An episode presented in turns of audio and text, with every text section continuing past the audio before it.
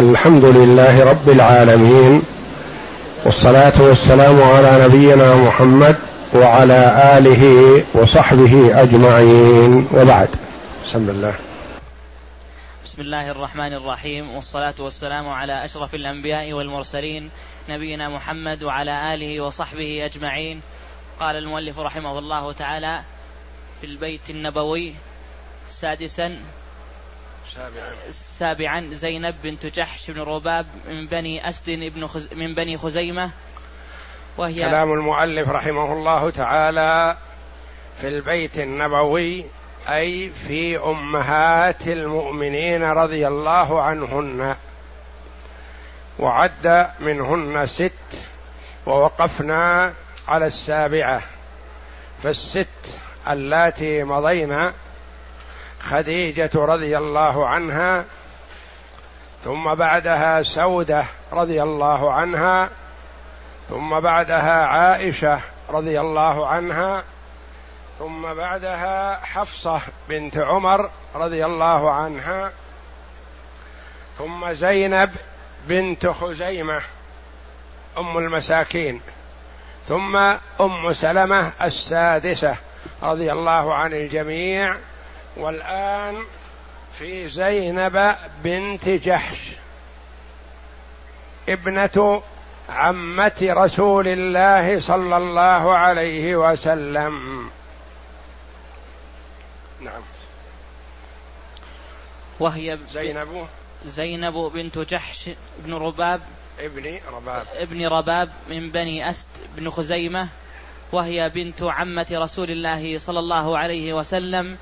وكانت تحت زيد بن حارثة الذي كان يعتبر ابنا للنبي صلى الله عليه وسلم فطلقها زيد فأنزل الله تعالى يخاطب رسوله صلى الله عليه وسلم فلما قضى زيد منها وطرا زوجناكها.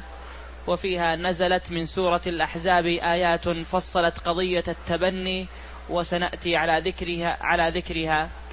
تزوجها هذه زينب بنت جحش ابنة عمة رسول الله صلى الله عليه وسلم أميمة بنت عبد المطلب. تكون أختا لعبد الله ابن عبد المطلب والد النبي صلى الله عليه وسلم.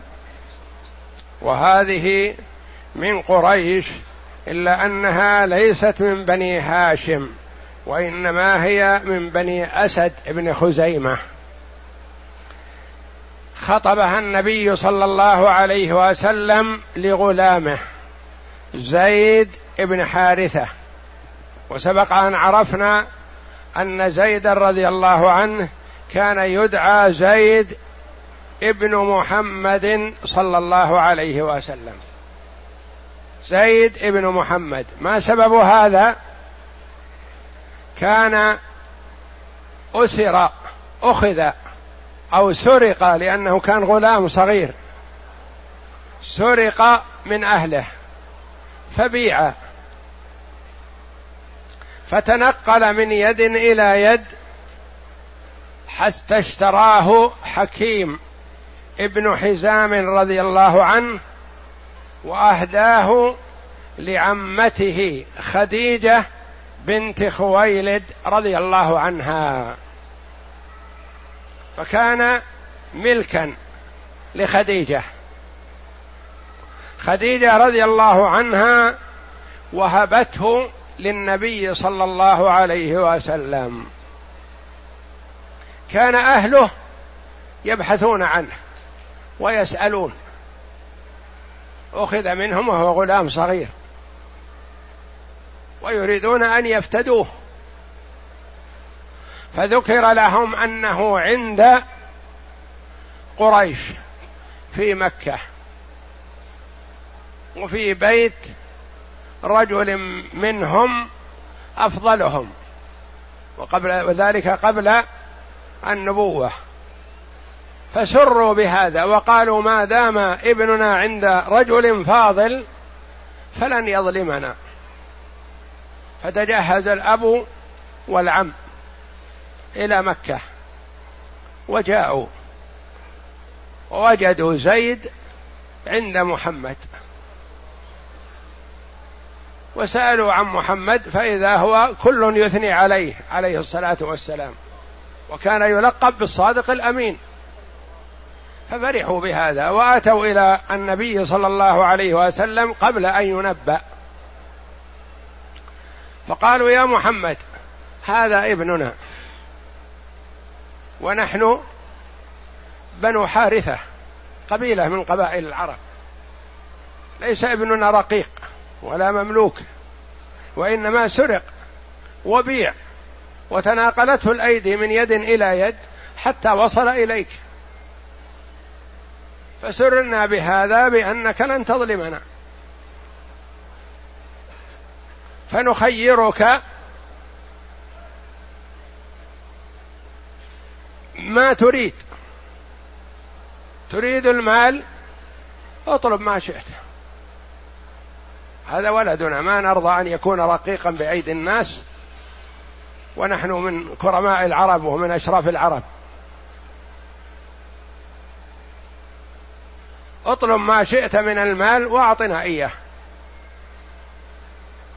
فقال عليه الصلاة والسلام أو غير هذا؟ غير طلب المال؟ قالوا ما هو؟ ماذا يريدون؟ ماذا ي... لا يعرفون ماذا سيقول. فقال أخيره بيني وبينكم. فإن اختاركم فهو لكم بدون مال. وإن اختار البقاء عندي فلن أرسله معكم ما دام أنه رغب في البقاء معي. قالوا أنصفتنا وزيادة. ما كانوا يفكرون ويحلمون بهذا.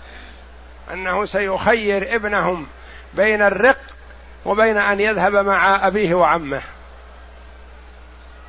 أعطاهم الفضل وزيادة عليه الصلاة والسلام. فهو أكرم العرب وأكرم الناس. ثم دعاه عليه الصلاة والسلام. فقال أتعرف هذا؟ قال نعم هذا أبي. قال من هذا الذي بجواره؟ قال عمي يعرفهم. قال وأنا من عرفت. أنا صاحبك. فاختر. إن شئت أن تذهب معهم فاذهب. وإن شئت أن تبقى عندي بقيت. قال ما أنا بالذي أختار عليك أحدا. لا أبوه ولا عمه. رضي الله عنه وأرضاه. عرف النبي صلى الله عليه وسلم بخصاله الحميدة قبل أن يوحى إليه. ما أختار عليك أحد. فقنع الأب والعم.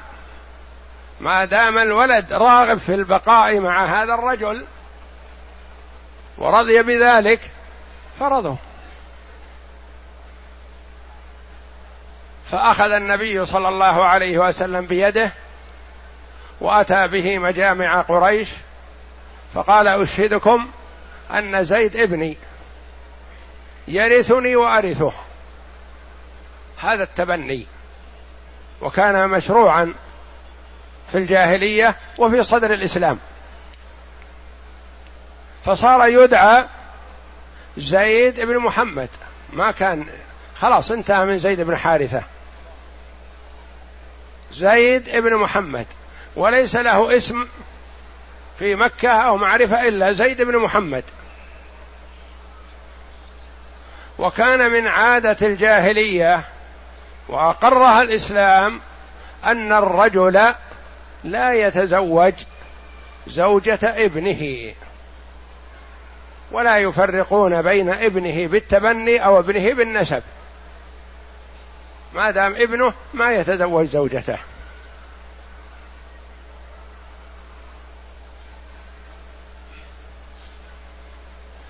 فصار يدعى زيد بن محمد ثم لما كبر رغب النبي صلى الله عليه وسلم في تزويجه. فزوجه اولا زوجة مولاة له صلى الله عليه وسلم أم أيمن ثم زوجه زينب بنت جحش ابنة عمة رسول الله صلى الله عليه وسلم.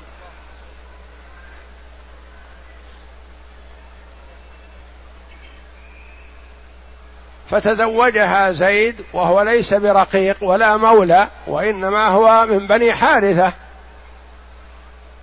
إلا أنه يدعى زيد بن محمد فتزوجها زيد رضي الله عنه. لكنها هي من وسط قريش ومن صميم قريش. وعندها شيء من الترفع على زيد الذي هو كان مولى مملوك مشترى من يد إلى يد حتى اشتراه حكيم بن حزام وأهداه لعمته وأهدته عمته إلى النبي صلى الله عليه وسلم. فكانت تعرف أصله وتعرف أنه تنقل في الأيدي رقيقا مباع.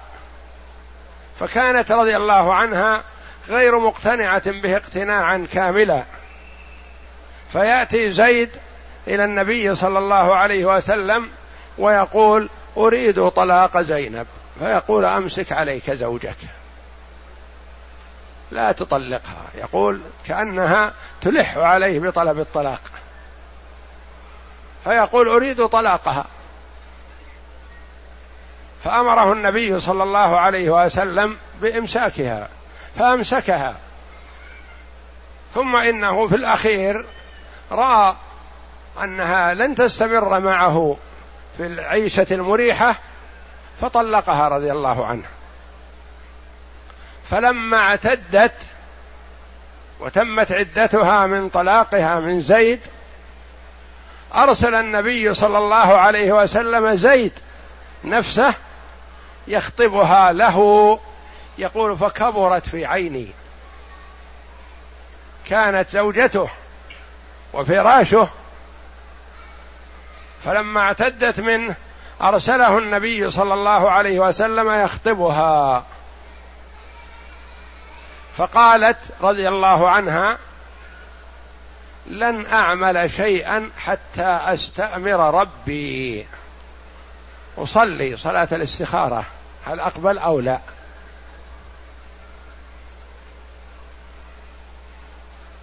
فأنزل الله جل وعلا فلما قضى زيد منها وطرا زوجناكها. فذهب النبي صلى الله عليه وسلم ودخل عليها بدون عقد ولا مهر ولا وانتهى موضوع الخطبة. ما رجعوا إليها بشيء. جاء التزويج من أعلى. فكانت رضي الله عنها تفخر على أمهات المؤمنين. تقول زوجكن أهاليكن وزوجني الله من فوق سبع سماوات. فالله جل وعلا هو الذي زوجها محمدا صلى الله عليه وسلم قرآنا يتلى إلى يوم القيامة.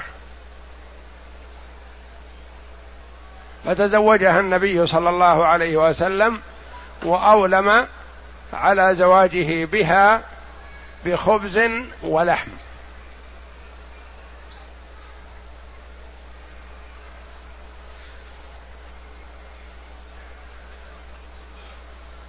وكانت امرأة فاضلة سخية كريمة تعمل بيدها رضي الله عنها وتتصدق. تعمل وتتصدق. اجتمعنا عند النبي صلى الله عليه وسلم فقال أسرعكن لحوقا بي أطولكن يدا. كل واحدة تحب أن تكون هي التي تلحق بالرسول صلى الله عليه وسلم الأولى. فقمنا يتطاولن باليد باليدين.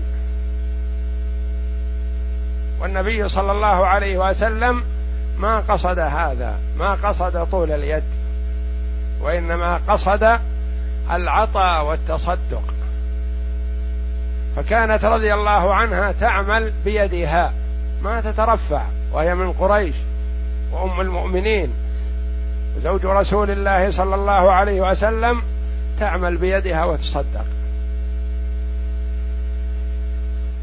فكانت رضي الله عنها هي أطولهن يدا.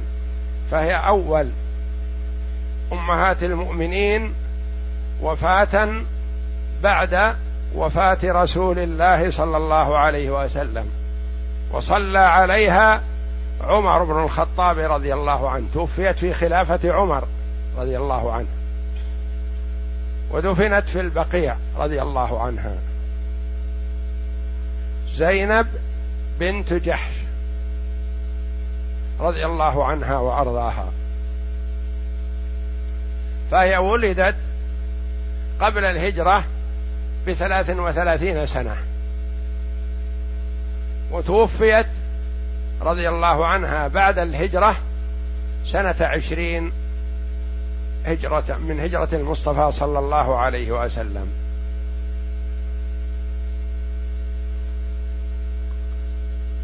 وكان زواج النبي صلى الله عليه وسلم بزينب مجال لمس وكلام من المنافقين والمشركين. يقولون كيف يتزوج زوجة ابنه؟ لأنه معروف أن زيد ابن محمد. لكن الله جل وعلا أنزل بعد هذا لما منع التبني وحرمه قال ادعوهم لآبائهم وأقسطوا عند الله. فإن لم تعلموا آباءهم فإخوانكم في الدين ومواليكم. وليس عليكم جناح فيما أخطأتم ولكن ما تعمدت قلوبكم. فانتهي من زيد بن محمد إلى زيد بن حارثة رضي الله عنه. فكان المنافقون والمشركون يسخرون ويقولون يتزوج ابنة زوجة ابنه. والله جل وعلا بين سبحانه أن الابن بالتبني ليس ابن. وكون الإنسان يأخذ لقيط أو يتيم ويربيه هذا فيه فضل عظيم ويؤجر على هذا لكن ما يصح ولا يجوز شرعا أن ينسبه إليه كما يفعل بعض الناس جهلا. يقول هذا ولدي ثم يذهب إلى إدارة الجنسية ويسجله باسمه. فلان ابن فلان ينسبه إليه. وهذا غلط. لا يجوز شرعا من ناحية ومن ناحية أخرى أنه قد يكشف على محارم هذا الرجل وهو أجنبي منهن. ثم إنه قد يرث من هذا الرجل وهو أجنبي منه. فيأخذ ميراثا ليس له. وإنما إذا تبنى الإنسان إذا قام بتربية يتيم أو لقيط فحسن لكن لا ينسبه إليه. إن كان أبوه إن كان يتيم وأبوه معروف ينسب إلى أبيه. وإن كان لقيط فلا ينسب إلى إلى الزاني وإن عرف أن الزاني فلان ما ينسب إليه لأنه ليس ابنا له وإنما يعطى اسما مستعار. ولا مانع أن يوصي له صاحبه هذا الذي رباه وتولاه يوصي له لكن ما يجعل له ميراث ولا يجعله بمثابة أولاده. لكن إن وصى له بمثل نصيب ولد أو نصيب بنت فلا بأس.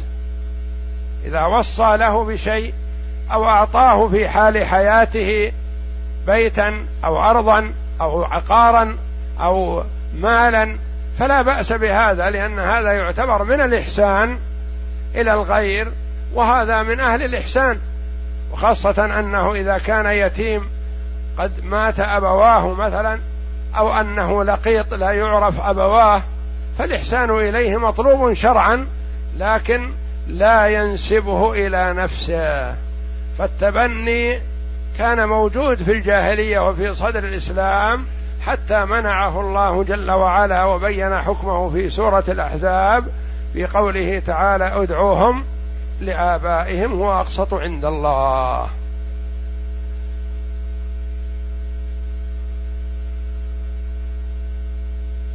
فزينب هذه رضي الله عنها سرت بالنبي صلى الله عليه وسلم وفرحت به وقامت بحقه عليه الصلاة والسلام. إلا أنه مع هذا كله ومع فضلها رضي الله عنها أدبها النبي صلى الله عليه وسلم. هجرها شهر ذي الحجة ومحرم وجزء من صفر. لأنه هو المربي والمعلم للأمة. ولولاه عليه الصلاة والسلام وما أعطاه الله جل وعلا من العلم والبصيرة ما تعلمت الأمة شيئا من الأخلاق. فهو يعلم الصغار والكبار والنساء والرجال ولا يتوقف عن أحد حتى وإن كانت أم المؤمنين وإن كانت فاضلة وإن كانت دينة وإن كانت صوامة قوامة وإن كانت فاضلة أثنى عليها النبي صلى الله عليه وسلم لدى عمر. قال زينب امرأة صالحة وقال عنها قولا حسنا عليه الصلاة والسلام أثنى عليها ومع هذا هجرها شهر ذي الحجة ومحرم وجزء من صفر. يا ترى ما السبب؟ أم المؤمنين رضي الله عنها تتصدق تعمل وتتصدق. قالت لصفية رضي الله عنهما يهودية. من باب التعيير وإلا هي صحيح كانت هي بنت حيي بن أخطب زعيم اليهود. لكنها قالت هذه المقالة من باب التعيير. وكانت صفية تقول للنبي صلى الله عليه وسلم لانها هي الوحيدة من أمهات المؤمنين من بني إسرائيل. تقول ان إنهن يعيرنني يقولن يهودية. فقال قولي لهم أبي هارون وعمي موسى من يأتيني بمثلهما؟ قالت عن صفية رضي الله عن الجميع قالت يهودية هذه اليهودية. فهجرها النبي صلى الله عليه وسلم لتطهر لسانها عن أي كلمة مع فضلها وتقاها وصلاحها وزهدها لكن الإنسان إذا تكلم بكلام يؤاخذ به. وهل يكب الناس في النار على وجوههم أو قال على مناخرهم إلا حصائد ألسنتهم؟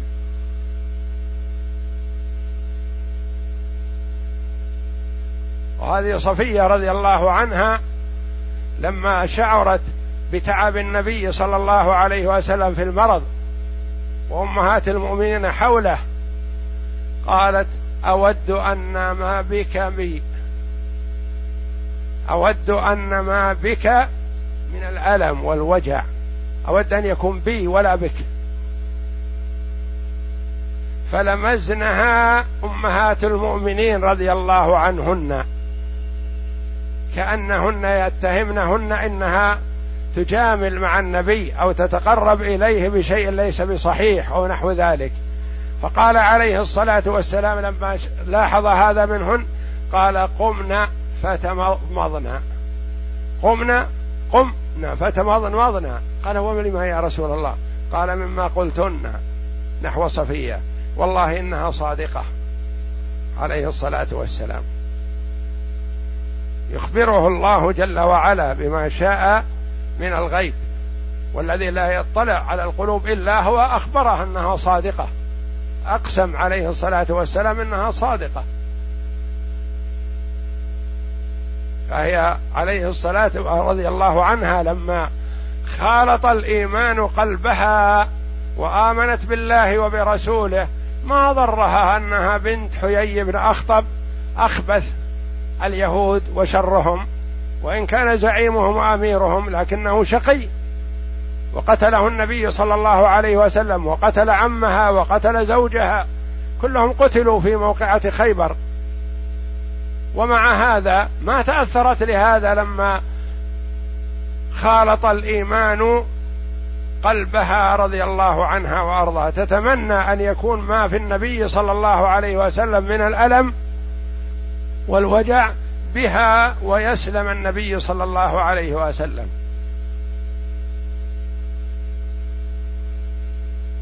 وهكذا كان الصحابة رجالا ونساء كلهم رضي الله عنهم يفدون النبي صلى الله عليه وسلم بأنفسهم وأهليهم.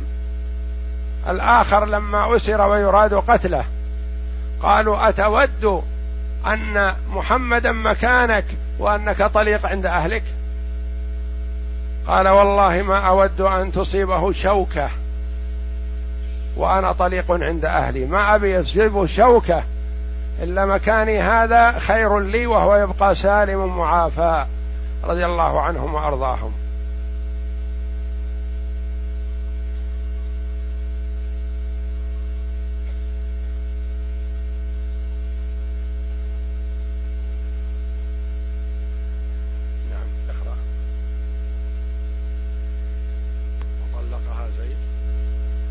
فطلقها زيد فأنزل الله تعالى يخاطب رسوله صلى الله عليه وسلم فلما قضى زيد منها وطرا زوجناكها.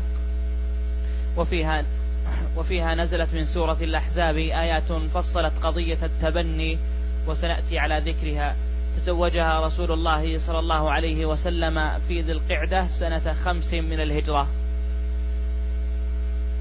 هذه زينب بنت جحش رضي الله عنها ابنة عمة النبي صلى الله عليه وسلم فهي قريبة من النبي صلى الله عليه وسلم من جهة أمها وأما أبوها فهو من قريش وليس بالقرب مثل أمها. ثامنا جويرة جويرية بنت الحارث سيد بني المصطلق من خزاعة كانت في سبي بني المصطلق في سهم ثابت بن قيس بن شماس فكاتبها فقضى رسول الله صلى الله عليه وسلم كتابتها وتزوجها في شعبان سنة ست من الهجرة. هذه جويرية بنت الحارث والحارث هذا سيد بني المصطلق وبنو المصطلق من خزاعة. والقبائل المحيطة القريبة من مكة في خزاعة وبنو بكر. لما حصل الصلح بين النبي صلى الله عليه وسلم وكفار قريش من أراد أن يدخل في حلف محمد صلى الله عليه وسلم دخل ومن أراد أن يدخل في حلف قريش دخل. فخزاعة دخلت مع النبي صلى الله عليه وسلم إلا هذه القبيلة بنو المصطلق. بنو المصطلق كانوا مع قريش. وغزاهم النبي صلى الله عليه وسلم في غزوة تسمى غزوة بني المصطلق.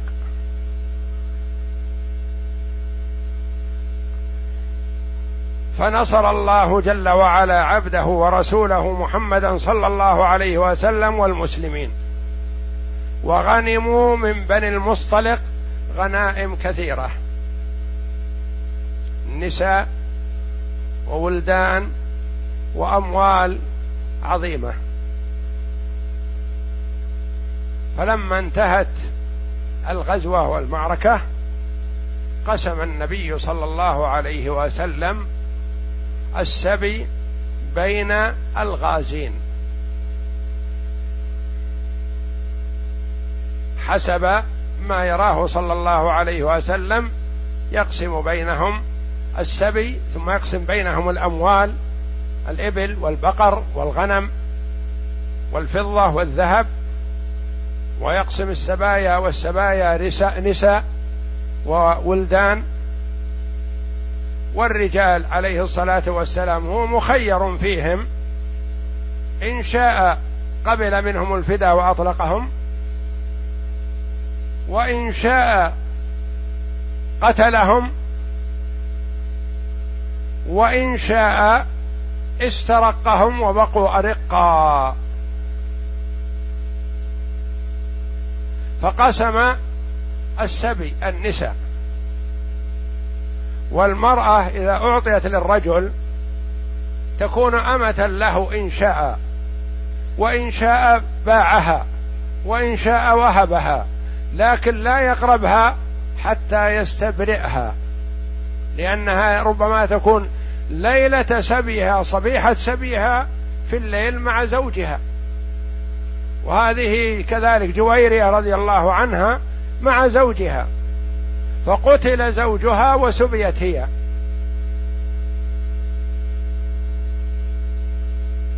فلا يقربها الرجل حتى يستبرئها بحيضة ثم تكون عنده أمة.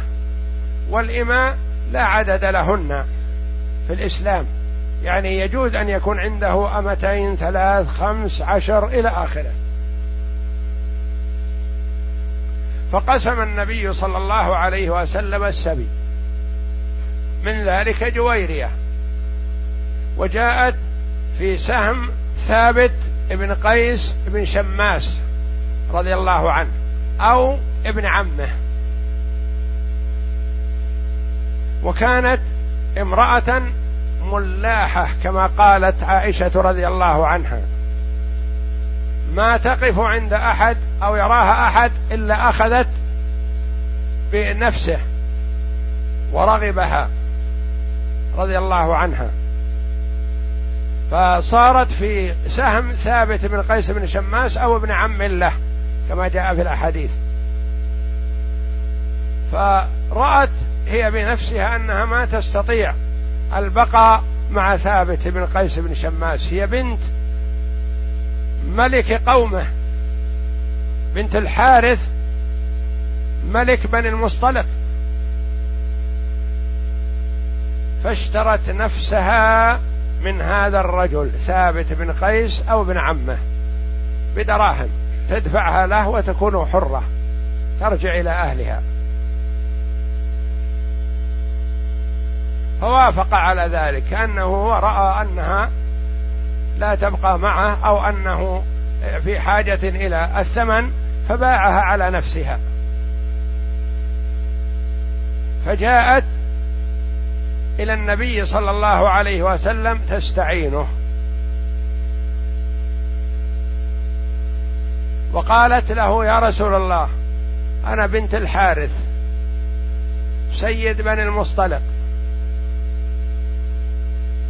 وقد عرفت ما حصل علي. فكنت في سهم فلان فكاتبته على مال فأعني أعانك الله. تقول عائشة رضي الله عنها ما إن رأيتها واقفة عند النبي صلى الله عليه وسلم حتى خفت وكرهتها. لأني عرفت أن النبي صلى الله عليه وسلم سيرى منها مثل ما رأيت. يرى لباقتها وملوحتها وحسنها وجمالها وسيرغب فيها. شريفة قوم من أشراف. فكرهت ذلك. ووقع ما كانت تكره رضي الله عنها وأرضاها. فقال لها عليه الصلاة والسلام أو غير ذلك؟ قالت ما هو؟ يعني ما أعينك وإنما شيء آخر. قالت ما هو يا رسول الله؟ قال أوفي عنك كتابتك وأتزوجك. قالت حسن من يحصل له خير خلق الله صلوات الله وسلامه عليه. فوفاها عليه الصلاة والسلام. قيمة كتابتها وأعطاها لثابت بن قيس أو ابن عمه وتزوجها عليه الصلاة والسلام. يعني ما أخذها على أنها أمة. هي كريمة قوم أنزلها المنزلة التي تليق بها رضي الله عنها.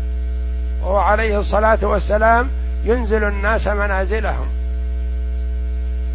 فتزوجها وأعلنها بأنها زوجة.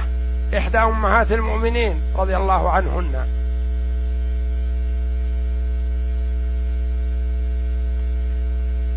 فسارع المهاجرون والأنصار في ذلك اليوم في إطلاق سراح ما بأيديهم من سبايا بني المصطلق. قالوا هذول أصهار رسول الله صلى الله عليه وسلم. ما ينبغي لنا أن نسترقهم. فتقول عائشة رضي الله عنها ما رأيت امرأة أبرك لقومها من جويرية رضي الله عنها. أعتق بها في ليلة مائه بيت. مائة بيت أرقة. اعتقوا لما كانت رضي الله عنها أم المؤمنين وصاروا بني المصطلق من أصهار رسول الله صلى الله عليه وسلم.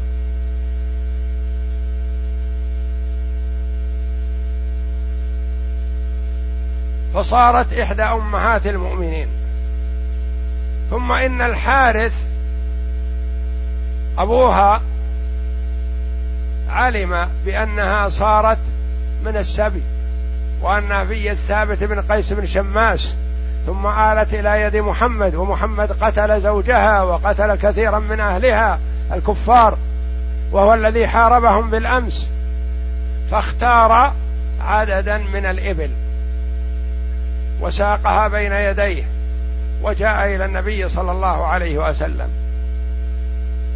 لماذا؟ ليدفع هذه الإبل فدية لبنته ويأخذها على أنها رقيقة أسيرة فلما قرب من مكة رأى بعيرين أعجباه فبخل بهما وقيدهما في الوادي. من شأن لا رجع ساقهما وساق معه من الإبل وجاء إلى النبي صلى الله عليه وسلم وقال يا محمد أتيتك بفكاك اسر جويرية ابنتي. من علينا من الله عليك. فقال عليه الصلاة والسلام كم أحضرت؟ قال أحضرت كذا وكذا من الإبل. قال وما شأن البعيرين اللذين خلفتهما في, الوا في وادي كذا؟ فقال أشهد أن لا إله إلا الله وأشهد أنك رسول الله. ما علم عن هذا أحد. لا بد أن الوحي جاءك من السماء. فشهد أن لا إله إلا الله وأسلم وما دفع ورد عليه النبي صلى الله عليه وسلم الفداء وبقيت ابنته إحدى أمهات المؤمنين رضي الله عنهن جميعا. هذه جويرية بنت الحارث من بني المصطلق أصحار رسول الله صلى الله عليه وسلم.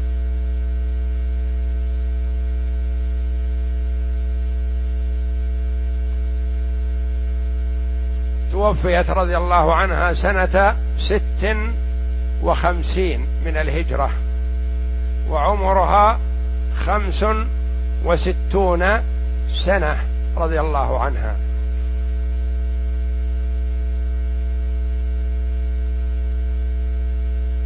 ويقال إن اسمها كان برة فغير النبي صلى الله عليه وسلم من اسم برة لما فيها من التزكية إلى جويرية جويرية رضي الله عنها. قال المؤلف رحمه الله تعالى في البيت النبوي تاسعا أم حبيبة رملة بنت أبي سفيان كانت تحت عبيد الله بن جحش وهاجر هذه أم المؤمنين التاسعة رضي الله عنها وأرضاها وتقدم قبلها الكلام على ثمان من أمهات المؤمنين رضي الله عن الجميع وهن الأولى خديجة بنت خويلد رضي الله عنها وهي أم جميع أولاد النبي صلى الله عليه وسلم من بنين وبنات عدا إبراهيم فمن مارية القبطية. وهي أولى أمهات المؤمنين. تزوجها عليه الصلاة والسلام قبل البعثة.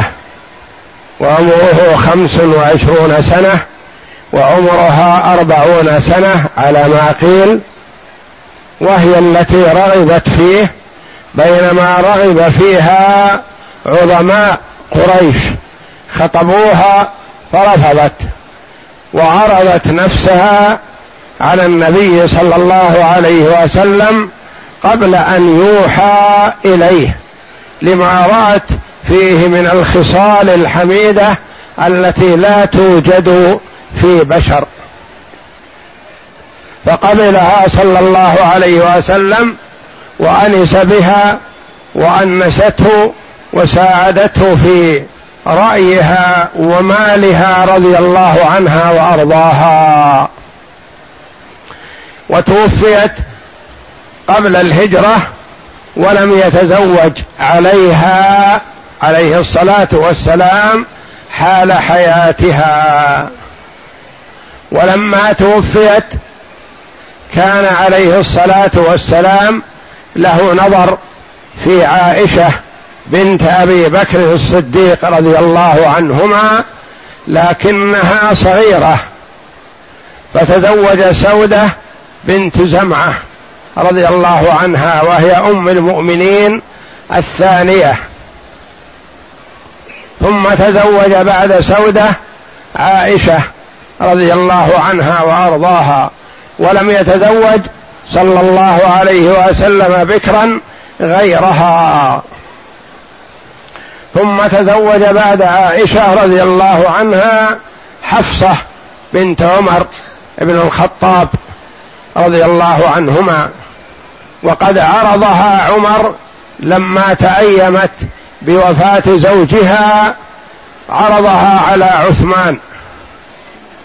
فسكت أو قال بدا لي ألا أتزوج. وعرضها على أبي بكر. فسكت. ووجد في نفسه رضي الله عنه عليهما يعرض عليهما ابنته فما يقبلانها. فكأنه شكاهما إلى النبي صلى الله عليه وسلم. فقال عليه الصلاة والسلام سيتزوج حفصة من هو خير منهما وسيتزوج عثمان من هي خير من حفصة. فاطمأن خاطر عمر رضي الله عنه ثم خطبها النبي صلى الله عليه وسلم فتزوجها. ثم اعتذر إليه كل واحد منهما من أبي بكر وعثمان رضي الله عن الجميع بأنهم ما قبلوا حفصة لأنهم سمعوا النبي صلى الله عليه وسلم يذكرها وما احبوا أن يتقدموا على النبي صلى الله عليه وسلم وما احبوا أن يفشوا سر النبي صلى الله عليه وسلم فما وسعهما إلا السكوت. فتزوج صلى الله عليه وسلم حفصة رضي الله عنها. ثم تزوج بعد حفصة زينب بنت خزيمة وهي المسماة بأم المساكين رضي الله عنها وأرضاها لأنها كانت تعمل في يدها. وما يضيرها أن تكون أم المؤمنين وتعمل في يدها وتتصدق على الفقراء والمساكين. فلذا سميت بأم المساكين رضي الله عنها وأرضاها. وما ضر حفصة رضي الله عنها أن أباها يعرضها على رجلين فلا يقبلانها. جبر الله جل وعلا خاطره بأن جعلها إحدى أمهات المؤمنين أخذها وتزوجها من هو خير من أبي بكر وعثمان رضي الله عنهما. فما يضير الرجل أن يعرض ابنته على الرجل الكفء إن قبلها فالحمد لله وإن لم يقبلها فلا ضير. عمر رضي الله عنه عرض ابنته على عثمان ثم عرضها على أبي بكر وما ضارها وما ضرها ذلك بل تزوجها خير خلق الله صلوات الله وسلامه عليه. فزينب رضي الله عنها كانت تسمى أم المساكين تعمل بيدها وتتصدق على الفقراء والمساكين. ما كانت غنية ولا ذات مال وإنما تعمل بيدها وتتصدق. ثم تزوج صلى الله عليه وسلم بعدها أم سلمة رضي الله عنها وأرضاها. هاجرت مع زوجها أبي سلمة إلى الحبشة ثم عادوا إلى مكة. ثم فرق المشركون بينهم ثم اجتمعوا ثم توفى توفي أبو سلمة رضي الله عنه عنه وأرضاه. فخطبها أبو بكر فاعتذرته وخطبها عمر فاعتذرته وخطبها النبي صلى الله عليه وسلم فقالت أنت يا رسول الله لا ترد لكن يمنعني ثلاث. غيرة في أخشى أن ترى مني ما تكره فتغضب علي فيغضب علي الله. وصبية عندي يعني أخشى أن يؤذوك. وليس أحد من أوليائي حاضر ما عندي أحد يزوجني. في المدينة هي وحيدة رضي الله عنها وعندها صبية. فقال النبي صلى الله عليه وسلم أما الغيرة فأدعو الله أن يذهبها. فدعا الله فذهبت غيرتها رضي الله عنها فكانت أمهات المؤمنين إذا استشكلن شيئا فيما بينهن تحاكمن إلى أم سلمة رضي الله عنها لأنها ذهبت غيرتها التي تكون بين الضرات. وصبيتها أعانهم عليها رسول الله صلى الله عليه وسلم قال يكون معك من يعينك عليهم. وليس أحد من أوليائك حاضر ولا غائب يكره ذلك. كل أوليائك المسلمون والكفار إذا علموا أنك كنت معي سرهم ذلك ويفرحون بهذا. فقالت قم يا عمر زوج رسول الله صلى الله عليه وسلم. فتزوجها صلى الله عليه وسلم وكانت ذات رأي حصيف وتدلي برأيها في مواقف حرجة ويكون فيها الحل بإذن الله وفي هذا تشجيع للنساء المؤمنات أن تبدي رأيها لزوجها لولدها لأخيها لأبيها لعل أن يكون فيه حل لبعض المشاكل. لأن المرأة قد تطلع على أشياء لا يطلع عليها الرجال فيكون في رأيها حل لبعض المشاكل التي قد تطرأ. ثم تزوج صلى الله عليه وسلم بعدها زينب بنت جحش ابنة عمة رسول الله صلى الله عليه وسلم. هي من بني مخزوم لكن أمها أميمة بنت عبد المطلب. أميمة عمة النبي صلى الله عليه وسلم وهذه بنتها. وكانت مع زيد بن حارثة رضي الله عنها فلما طلقها زوجها الله جل وعلا محمدا صلى الله عليه وسلم ليرفع سبحانه ما كان معروفا في الجاهلية أن الرجل لا يتزوج بنت زوجة ابنه بالتبني. لأنها كانت زوجة زيد وزيد كان في الجاهلية وفي صدر الإسلام يدعى زيد ابن محمد وقصته معروفة مشهورة. فأراد الله جل وعلا أن يرفع ما كان سائدا في الجاهلية بأن الرجل لا يتزوج زوجة ابنه بالتبني إذا طلقها أو مات عنها. فزوجها الله جل وعلا محمدا صلى الله عليه وسلم بقوله فلما قضى زيد منها وطرا زوجناكها.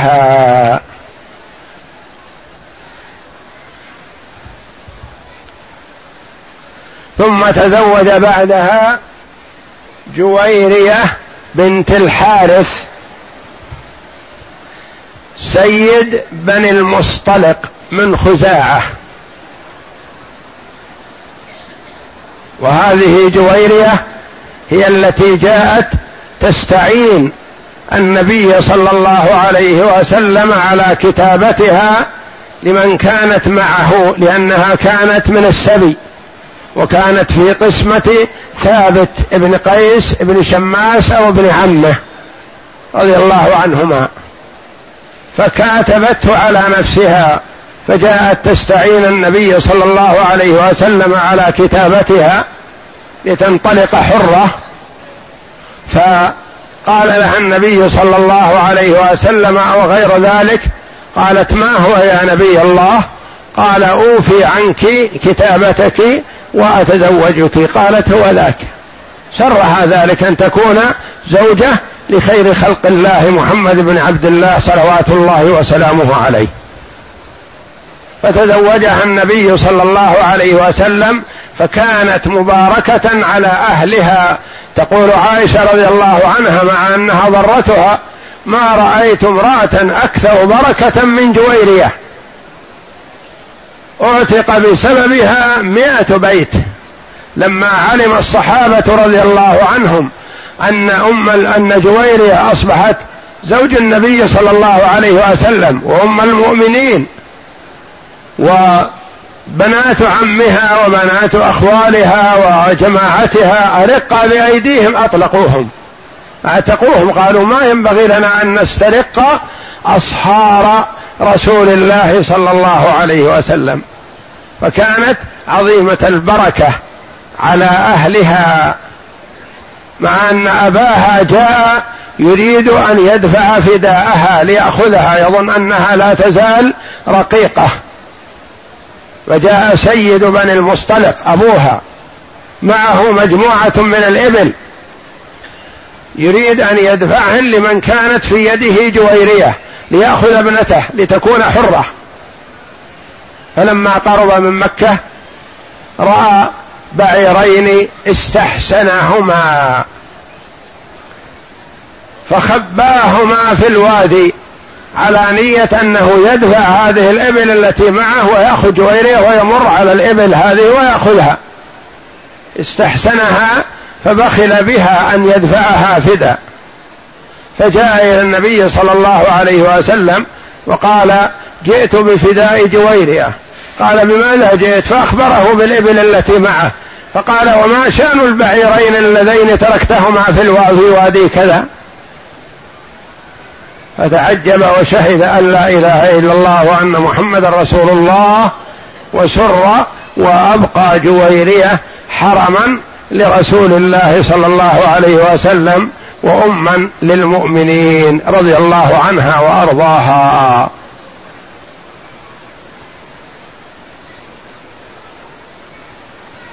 وهذه التاسعة. أم حبيبة رملة بنت أبي سفيان تسمى رملة وقيل اسمها هند بنت أبي سفيان. أبوها أبو سفيان ألد أعداء النبي صلى الله عليه وسلم قبل فتح مكة قبل أن يسلم. أسلمت هي رضي الله عنها. مع زوجها عبيد الله ابن جحش. ولما آذاهم المشركون في مكة هاجرت رضي الله عنها مع زوجها عبيد الله بن جحش إلى الحبشة مع المهاجرين الأولين. فزوجها ارتد والعياذ بالله عن الإسلام وأعتنق النصرانية. وصار نصراني ومات في الحبشة. ثبتت هي على إسلامها رضي الله عنها وبقيت غريبة وحيدة. لا أحد حولها من أهلها وأهلها من ألد أعدائها. لو ذهبت إلى مكة فهم ألد أعدائها. وأين تذهب؟ في الحبشة. غريبة وحيدة. جبر الله جل وعلا خاطرها فأرسل النبي صلى الله عليه وسلم رجلا من المدينة يخطبها من النجاشي لأنها في ولايته في الحبشة هو وليها. فخطبها فأرسل النجاشي إليها من يخبرها. فلما أخبروها ما كان عندها شيء إلا فتخات في يدها نزعتها وأعطتها المرأة التي جاءت تبشرها بخطبة النبي صلى الله عليه وسلم لها. ودفع مهرها النجاشي عن النبي صلى الله عليه وسلم وأرسلها إلى النبي صلى الله عليه وسلم في المدينة. أبوها موجود. وأبوها سيد قومه لكنه كافر. ما له ولاية عليها. علم أن ابنته توفي زوجها الأول وتزوجها المصطفى صلى الله عليه وسلم. ماذا يقول؟ قال هو الفحل الذي لا يقرع أنفه. هذا محمد. وإن كان خصيما له وحربا هو وإياه لكنه يعرف رجولته عليه الصلاة والسلام وأمانته وصدقه وصفاته الحميدة عليه الصلاة والسلام. هو الفحل الذي لا يقرع أنفه. سر بهذا. فجاءت مع النبي صلى الله عليه وسلم إلى إلى المدينة إليه في المدينة وأصبحت إحدى أمهات المؤمنين رضي الله عنهن. جاءها أبوها بعد مجيئها إلى المدينة وهي في عصمة النبي صلى الله عليه وسلم جاء في السنة الثامنة. ليجدد العهد الذي أبرم مع النبي صلى الله عليه وسلم في السنة السادسة من الهجرة. لأنه هو زعيم قريش. بعدما قتل زعماؤهم ورؤساؤهم في موقعة بدر ترأس بهم أبو سفيان. فجاء إلى المدينة يحاول أن يجدد الصلح الذي أبرم قبل سنتين لكن كفار قريش نقضوا العهد لحكمة يريدها الله جل وعلا. فدخل على ابنته أم حبيبة بنته. فدخل وجلس فيه على حصير. فأشرت له بأن يقوم وطوت الحصير ورفعته. حصير. ورفعته. قال والله يا بني ما أدري. هل هذا رغبة بي عن الحصير عن الفراش أم رغبة في الفراش عني؟ ما أدري. أنت الفراش رغبة يعني الفراش عندك بمنزلة ما تريدين أن أجلس عليه. أم عندك تأخذينه لتضعي إليه فراشا أحسن من هذا؟ ما أدري. كله محتمل. فقالت رضي الله عنها بكل قوة وصراحة وإيمان بالله ورسوله لا تأخذها في الله لومة لائم هذا أبوها ولا تجامل مع أبيها ولا مع أخيها ولا مع أمها ولا مع غيرها. المحبة في الله والعداوة في الله. ولي الله حبيبها وإن كان أبعد الناس. وعدو الله بغيضها وعدوها وإن كان أبوها وأمها. أبوها وأمها حرب عليها. فقالت بل هذا فراش رسول الله صلى الله عليه وسلم وأنت رجل مشرك نجس. ما أريد أن تجلس على فراش النبي صلى الله عليه وسلم. فتعجل من هذا لكن ماذا ماذا يقول؟ هو جاي ضعيف مسكين. قال والله لقد أصابك بعدي شر. ما أصابها شر والله وإنما أصابها الخير العظيم. الإيمان بالله ورسوله ورفع الله منزلتها. من كونها أم حبيبة أو رملة إلى أن كانت أم المؤمنين رضي الله عنهن جميعا. أم المؤمنين من أولهم إلى آخرهم. كانت أم حبيبة. لها اسم رملة أو هند. وكنيه أم حبيبة. فصارت كنيتها بعد هذا أم المؤمنين. كافاها الله جل وعلا وأكرمها لما تمسكت بدينها ولم تبالي بزوجها الذي كفر وارتد عن الإسلام ومات كافرا وبقيت في دار الغربة وحيدة رضي الله عنها وأرضاها وصبرت كافأها الله جل وعلا في الدنيا وفي الآخرة خير عظيم. قالت لا والله هذا فراش رسول الله وأنت مشرك نجس. ما بك تجلس على فراش رسول الله صلى الله عليه وسلم اجلس على الأرض.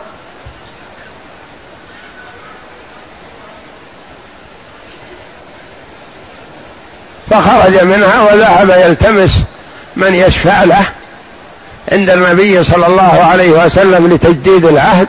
لكن ما وجد أحد. إن الصحابة رضي الله عنهم كلهم هواهم مع النبي صلى الله عليه وسلم ولا يمكن أن يشفعوا لكافر. إلا فيما فيه عز للإسلام والمسلمين. أما ما فيه خذلان للإسلام والمسلمين فلا. فحاشاهم رضي الله عنهم. تنقل من واحد لواحد ما وجد احدا يشفع له.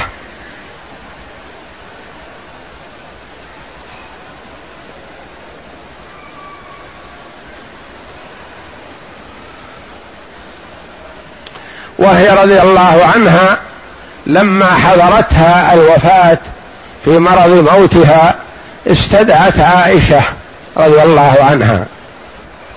فقالت يا عائشة إنه يكون بيني وبينك ما يكون بين الضرائر. فغفر الله لي ولك حلليني. فقالت أنت في حل غفر الله لك وسامحك. فقالت سررتيني سرك الله. أفرحتيني بهذا لما حللتيني. ثم استدعت أم سلمة رضي الله عنها. وقالت لها مثل ذلك. فقالت لها أم سلمة مثل ذلك. وهكذا ينبغي للإنسان ينبغي للمسلم المؤمن التحلل من المظالم في الدنيا. قبل أن لا يكون دينار ولا درهم. يتحلل ولو بالمال ولو بالشيء الكثير حتى لا يطالب به في الدار الآخرة. لأنه يعني في الدار الآخرة لا دراهم ولا دنانير ولا أمتعة وإنما هي الحسنات والسيئات. فمن كان عنده مظلمة لأخيه فليتحلل منه الآن قبل أن يؤخذ من حسناته.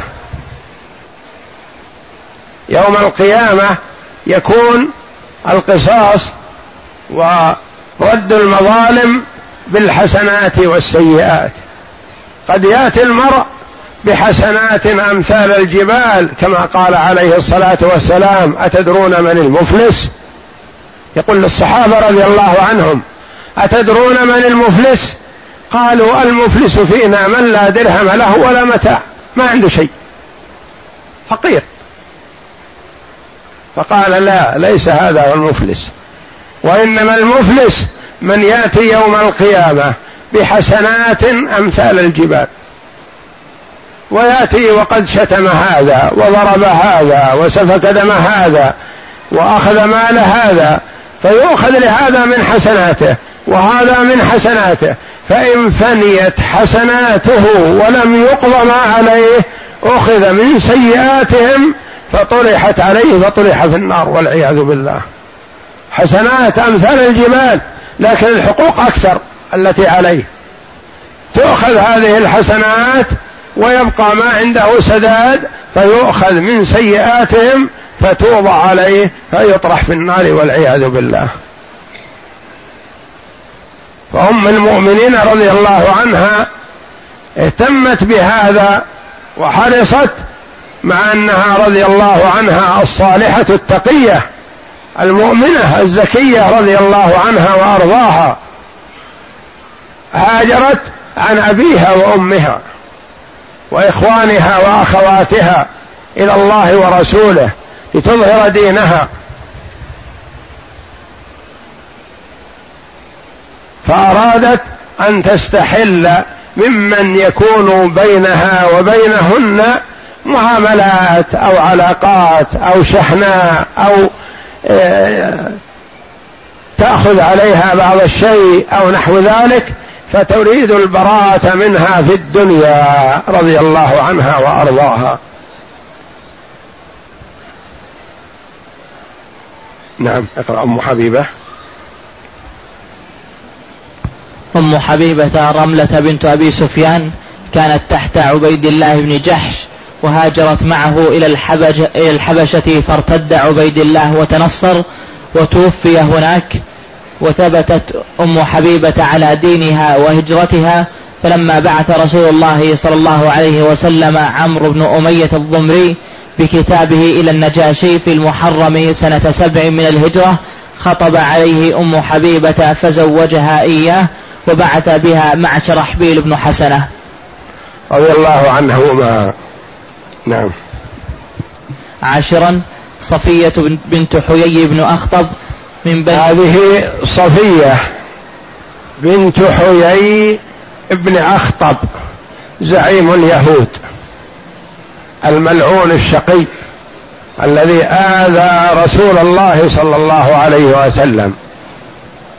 صفية رضي الله عنها من سبي خيبر من السبي الذي سبي في خيبر. خيبر بعد صلح الحديبية في أول السنة السابعة توجه النبي صلى الله عليه وسلم لحرب اليهود لأنهم أشقياء آذوا النبي صلى الله عليه وسلم والمؤمنين. في المدينة وفي حول المدينة وكانوا يؤلبون الأعداء. وحيي بن أخطب هذا وأخوه هم الذين سعوا وألبوا المشركين في موقعة الأحزاب. وكان منهم ما كان. فتوجه صلى الله عليه وسلم في أول السنة السابعة من الهجرة إلى خيبر. وهي الغنيمة التي وعدها الله جل وعلا رسوله صلى الله عليه وسلم والمؤمنين في سورة الفتح. فهيأ الله للمسلمين فتح حصون خيبر واحدا تلو الآخر كما تقدم لنا في غزوة خيبر. وكان فيها مغانم كثيرة. أموال ذهب فضة وتمور وسلاح وسبايا نساء وأطفال. سبي.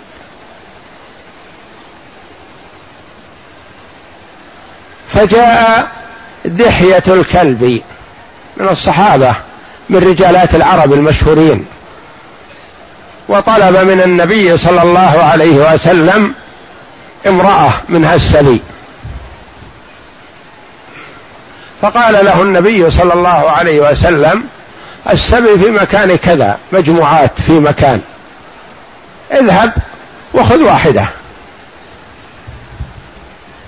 فذهب ووقعت عينه على صفية. أحسن الموجودات. فأخذها. فاطلع أحد الصحابة على ذلك. فقال هذه سيدة قومها وبنت ملك قومها. ما تصلح إلا لرسول الله صلى الله عليه وسلم. فجاء مسرعا إلى النبي صلى الله عليه وسلم فقال يا رسول الله أذنت لدحية الكلب بأن يأخذ واحدة من السبي؟ فأخذ بنت حيي ابن أخطب سيدة قومها وهذه لا تصلح إلا لك يا رسول الله. فأرسل صلى الله عليه وسلم إلى دحية أن يردها وأن يأخذ فردها دحية الكلب وأخذ أمة غيرها من السبي. واصطفاها النبي صلى الله عليه وسلم له. فيا ترى هل ستكون أمة؟ مثل ماريا القبطية. أم تكون زوجة كأمهات المؤمنين؟ ما يدرون الصحابة رضي الله عنهم ماذا ستكون. فقالوا إن حجبها صلى الله عليه وسلم فهي زوجة. وإن لم يحجبها فهي أمة رقيقة. فعرض عليها النبي صلى الله عليه وسلم الرؤوف الرحيم الذي ينزل الناس منازلهم ويرحم عزيز قوم ذل. عرض عليها صلى الله عليه وسلم أن يعتقها ويجعل عتقها صداقها ويتزوجها. قالت حسن هذا خير. فتزوجها صلى الله عليه وسلم وجعل مهرها هو عتقها أعتقها لأنها أمة تباع وتشترى. وإن كانت بنت سيد قومها لكن الكفر يجعل المرء رقيق. مملوك يباع ويشترى. فأكرمها صلى الله عليه وسلم وجعلها زوجة إحدى أمهات المؤمنين. فدخل عليها صلى الله عليه وسلم بعد أن أمر إحدى النساء نساء الأنصار أن تهيئها له. فدخل عليها صلى الله عليه وسلم. عليها وهو معها في الخيمة يسمع صوت سلاح وحركة حول الخيمة. فسأل ما هذا الذي أسمع؟ فإذا هو أحد الصحابة الاجلاء رضي الله عنهم وأرضاهم واقف حول الخيمة. فقال ما الذي أوقفك هنا؟ ماذا تريد؟ فقال يا رسول الله هذه امرأة ويهودية وموتورة في أبيها وعمها وزوجها وأسرتها. فما أمنتها عليك يا رسول الله؟ انظر شفقة الصحابة رضي الله عنهم. خشية من هذه المرأة أن تعمل شيء للنبي صلى الله عليه وسلم وما عنده أحد من الصحابة. فدعا له النبي صلى الله عليه وسلم وطمأنه بأنها أسلمت رضي الله عنها وأرضاها وما دخل عليها الرسول صلى الله عليه وسلم إلا بعد أن أسلمت. وقد سرت وفرحت بالنبي صلى الله عليه وسلم واطمأنت إليه وأحبته محبة صادقة رضي الله عنها وأرضاها. وإن كانت موتورة في أبيها وعمها وزوجها كلهم قتلوا في غزوة خيبر.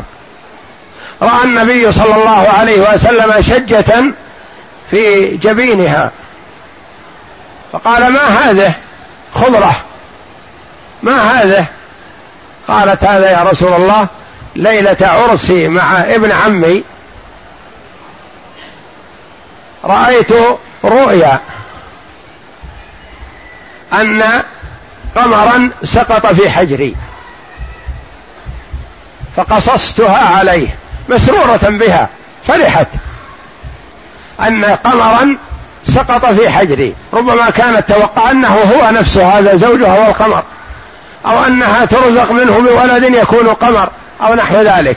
لكن اللعين ادرك فشجها شجة عظيمة وقال تتمنين ملك العرب؟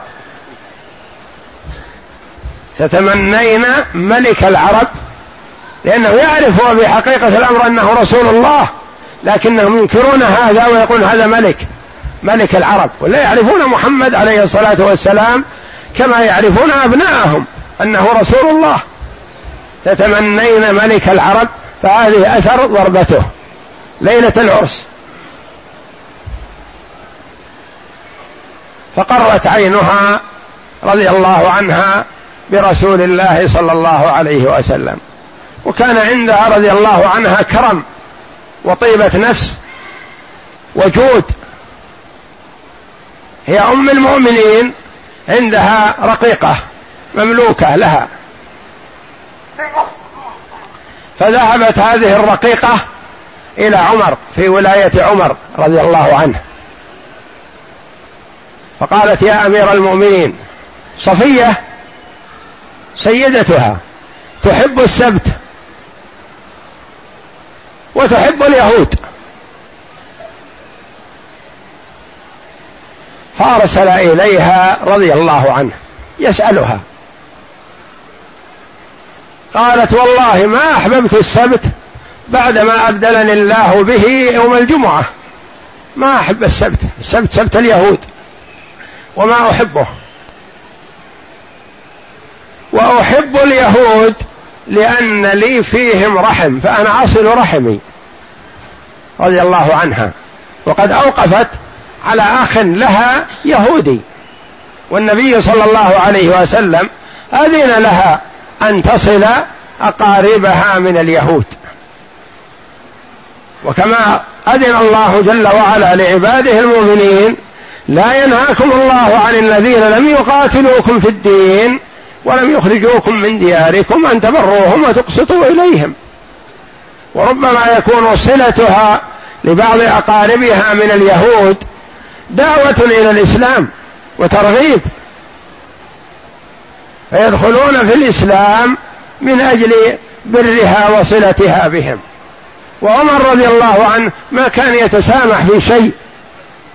لما جاءته هذه الأمة قالت إن سيدتي وهي أم المؤمنين. تحب السبت وتحب اليهود. فقالت ما أحببت السبت السبت لا. ما أحبه بعد أن أبدلني الله عنه بيوم الجمعة. وأما اليهود فلي فيهم رحم وأنا أصل رحمي. لها إخوة وأخوات وأقارب فتصلهم رضي الله عنها. فقالت لأمتها ما حملك على ما قلت لعمر؟ فقالت الشيطان. ما حملك؟ قالت الشيطان. ما قالت اذهبي فأنت حرة. رضي الله عنها. ما قالت اقتلوها. تريد أن تثير العداء بين أم المؤمنين وخليفة المؤمنين وأمير المؤمنين عمر رضي الله عنه وأرضاه. قالت اذهبي فأنت حرة. هذه مكافاتها مقابل الإساءة. وهكذا خيار الأمة عند الإساءة يظهر الكرم. الكرم مع الإحسان مقابل هذا هذا. لكن عند الإساءة إذا حصل الكرم والجود هذه القمة. وهذا العالي. اذهبي فأنت حرة. تقول صفية رضي الله عنها. النبي صلى الله عليه وسلم يتألم في مرضه الذي مات فيه. عليه الصلاة والسلام. وجع. واشتد به الوجع. وعنده حوله أمهات المؤمنين رضي الله عنهن. فقالت صفية رضي الله عنها والله يا نبي الله إني أود ما بك بي. أود أن هذا الألم الذي تشعر به يكون بي وأنت تسلم منه. فغمزنها أمهات المؤمنين رضي الله عنهن. ففطن لذلك النبي صلى الله عليه وسلم. فقال مض فقال عليه الصلاة والسلام مضمضنا. يعني اغسل آفام فوكا اغسل الإثم بما حصل. فقال يا رسول الله ماذا أكلنا؟ ماذا قلنا؟ قال لمزتموهن. لمزتموها. والله إنها لصادقة. عليه الصلاة والسلام. يحلف بالله أن صفية في أمنيتها هذه صادقة. والله إنها صادقة. ولما قالت له يا رسول الله يعيرنني يقولن يا يهودية. لأنها هي الوحيدة من أمهات المؤمنين من بني إسرائيل من اليهود. يعيرنني يقولن يا يهودية. فقال عليه الصلاة والسلام قولي لهن أبي هارون لأنها من ذرية هارون عليه الصلاة والسلام. وعمي موسى من له مثلهما. تعدى بها عليه الصلاة والسلام اللعين حيي بن أخطب ومن حوله إلى أبيها الأول هارون عليه السلام. قال قولي أبي هارون وعمي موسى. وكما تقدم لنا أن النبي صلى الله عليه وسلم هجر ابنة عمه ابنة عمته زينب شهر ذي الحجة ومحرم وجزء من سفر لما قالت لصفية يهودية يؤدبها عليه الصلاة والسلام.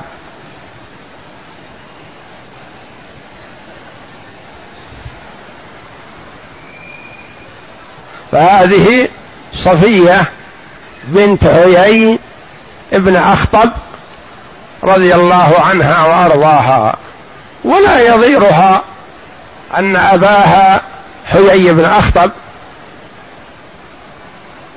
وأن عمها كافر يهودي وأن زوجها كافر الذي قبل النبي صلى الله عليه وسلم يهودي. ما يضيرها ولا تزر وازرة وزر أخرى. كما أنه لا يضير امرأة فرعون أن يكون زوجها فرعون. ولا ينفع الشقية امرأة نوح والشقية امرأة لوط. قربها من نوح ولوط عليهم الصلاة والسلام ما ينفعهن ذلك وإنما المرء بعمله. إذا آمن بالله ورسوله فهو في المرتبة العالية. وإذا كفر بالله ورسوله فهو الخسيس الشقي وإن كان عم رسول الله صلى الله عليه وسلم كما قال الله جل وعلا تبت يدا أبي لهب وتب وهو عم النبي صلى الله عليه وسلم لكنه شقي.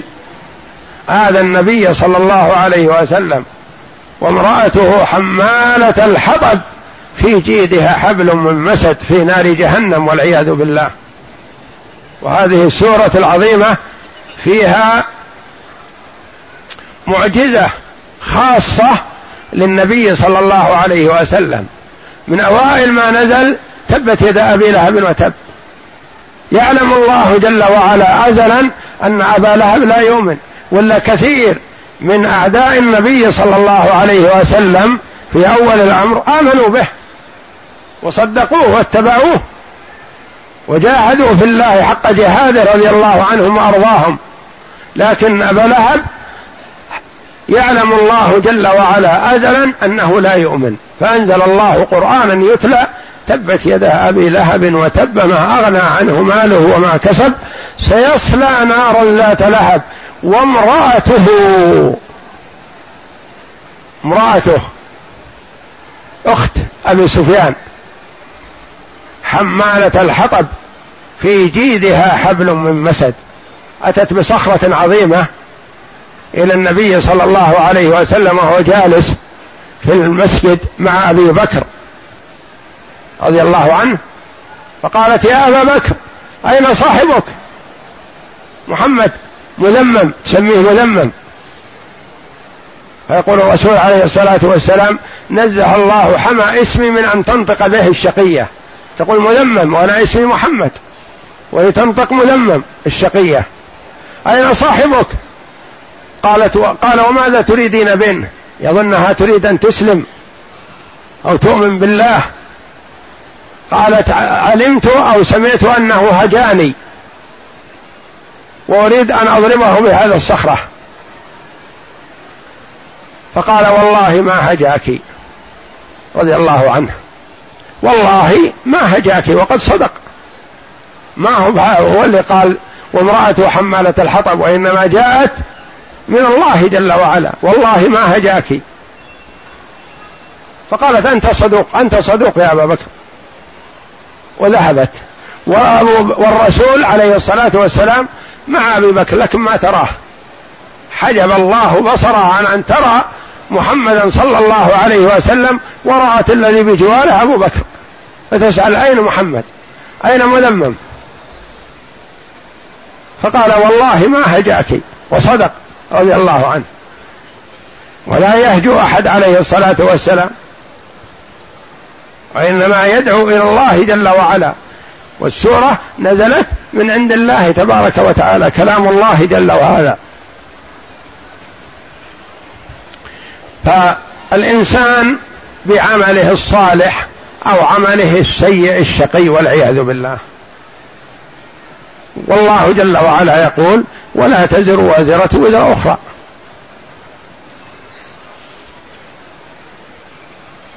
فهذه صفية بنت حيي ابن أخطب رضي الله عنه إحدى أمهات المؤمنين وهي التي تزوجها النبي صلى الله عليه وسلم في السنة السابعة من الهجرة بعد غزوة خيبر وكانت من سبي خيبر. فما رضي صلى الله عليه وسلم أن تكون أمة وهي ابنة ملك القوم بل أكرمها عليه الصلاة والسلام لما آمنت به وصدقته. عاشرا صفية. عاشرا صفية بنت بنت حيي بن أخطب من بني إسرائيل وكانت من سبي خيبر فاصطفاها رسول الله صلى الله عليه وسلم لنفسه فأعتقها وتزوجها بعد خيبر سنة سبع من الهجرة. والله أعلم وصلى الله وسلم وبارك على عبده ورسول نبينا محمد. وعلى آله وصحبه أجمعين.